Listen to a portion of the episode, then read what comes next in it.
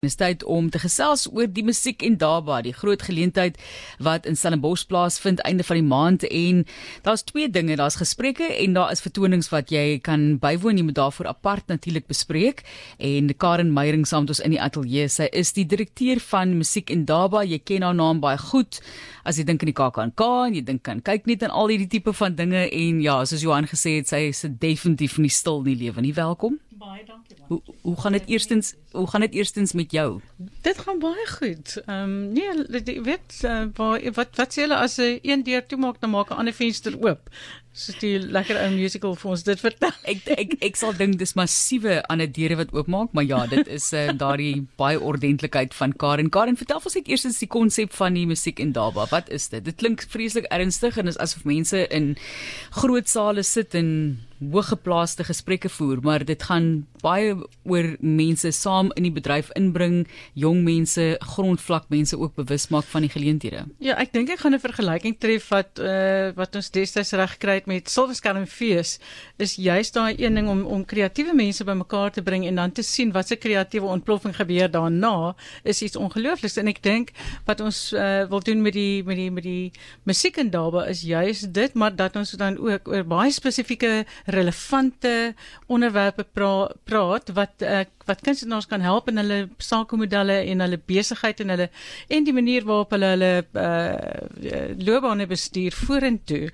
Ek dink die pandemie het nou intussen in gebeur. Hierdie idee kom van voor die pandemie af en ek dink nou meer as ooit is dit regtig lekker om te dink die platemaatskappye, kunstenaars uh en en gewone mense wat nou gewone mense mense wat van musiek hou ja. uh, kan daar kom en dit is 'n jy weet dis 'n indaba waar daar ons ons noem die die hoofsprekers uh sy sessies noem ons fortuie gesprekke want hierdie mense is dis hulle fortuis waaroor hulle kom praat. En dan die paneelgesprekke presto presto is vinnig hard en duidelik. Jy weet ons gaan die ons gaan ons is resultaat gedrewe. En dan is daar 'n geesleutel wat ons noem en dit is werksessies. En hier het ons uh, jy weet groot name wat kom 'n deel in in in hulle deel die die ervaring wat hulle het met jonger mense en die wat daar gaan wees en dan uh, doen ons onderhoude met van ons groot legendes in die bedryf. Dit is baie so mooi die geessleutel want dit is die maklikste een as jy nou wil jouself begin leer so te loop soos dis is middel C wil ek ja, amper sê. Gelukkig het hulle nie die geessnaar ja, nee, gekies nie. Maar om dit in Engels te vertaal. Maar nee, ek wil nou net na die okay ja, okay. Maar ek hoor dat daar mense soos kom ons sê dat Bakke Darren Jack Barrow gaan ook saam optree. Hierdie tipe van kombinasies. So kom is daai vertonings ook vir julle belangrik. Dit is geweldig belangrik in die sin dat ons fokus met die produksies juis op genre is. So en jy sal jy sal sien moontlik in al die titels van die produksies is dit 'n dis 'n rock and rumba of dis 'n hip hop bop en pop. In hierdie geval is dit nou Kurt wat saam met Jack Parra en Early B gaan wees.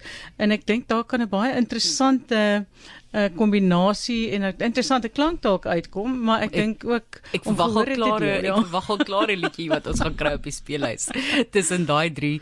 Jy kan natuurlik vra ook stel as jy wil op die SMS lyn, maar dit is op soveel verskillende vlakke net, want jy het nou die mense wat soos hy sê nou die fundies is en dan het jy mense wat net regtig van musiek hou. Ja, maar Karen jouself het 'n uh, musiekloopbaan aanvanklik gevolg met Cut Glass. Ons het net so gelag oor uh, die gebrek aan tegnologie daardie tyd, jy weet die in-ears wat die moderne cappella groepe gebruik en jy moes maar luister wie daar op die punt inval en wie op die ander punt inval.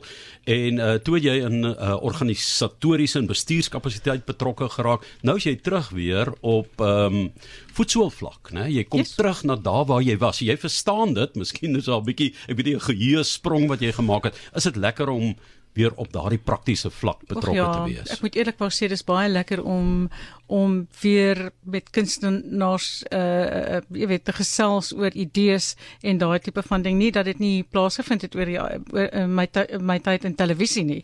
Maar ek dink dat hierdie is weer iets wat 'n mens mens voel so baie deel daarvan omdat jy self daai loopbaan gehad het. Ek meen ons was 20 jaar op die pad met Katlaas. Ja in in ons land en ek dink ehm um, ja ek ek kan identifiseer met baie van die probleme en die ja die uitdagings wat kunstenaars het veral nou ook na die pandemie.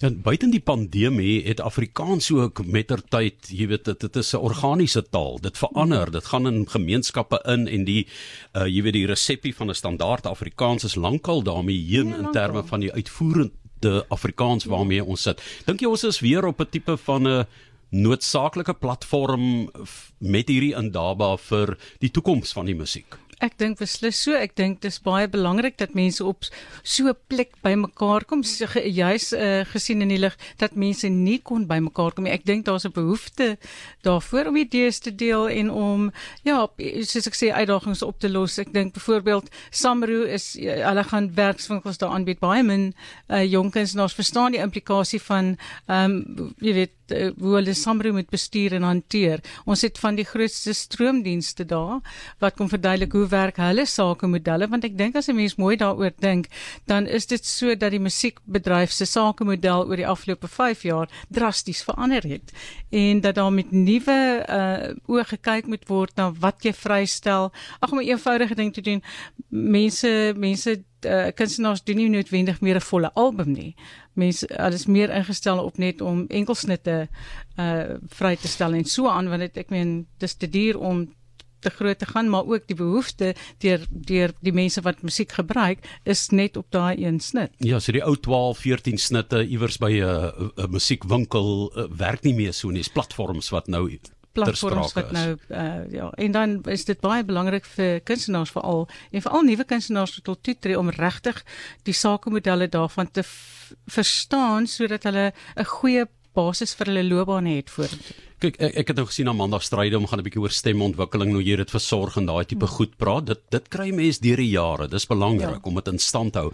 Maar daar's 'n paar uh nuwe Eh, digitale uitdagings wat julle gaan aanspreek wat ek dink baie baie um, reaksie gaan uitlok want dit is die uitdaging waarvan jy juis nou gepraat het om net 'n enkel snit iewers op 'n platform te kry en dis 'n treffer is 'n groot kuns vandag is 'n ander tipe kuns as vroeër met 'n platebaas jy ja, weet so ja. um, so so julle daarna ook gekyk nê na die nee, um, moderne is, verskynsels ja mens het uh, probeer kyk oor eintlik net hoe gaan ons vooruit gaan met die musiekbedryf uh in terme van die stroommodelle en al al jy weet ensovoorts.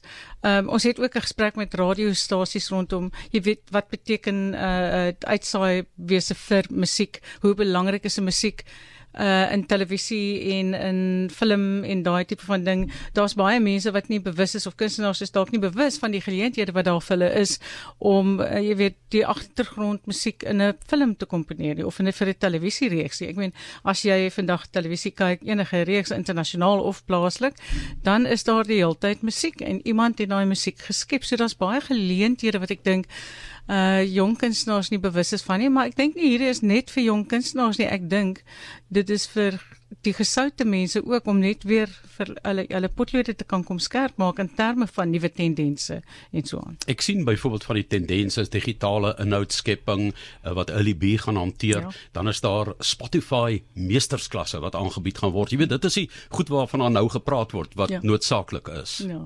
En dit is baie belangrik. Uh, Veral ons praat ook oor die standvastigheid, die finansiële standvastigheid van kunstenaars. Uh en ek dink al hierdie goeders uiteindelik kom bymekaar. Dis sê dit gaan daaroor oor hoe jy jou loopbaan bestuur. Ek die eerling gaan 'n hele lesing doen oor hoe om jou loopbaan te bestuur. Karen Zoid kom en sy gaan kom praat oor uh die jou handelsmerk as kunstenaar.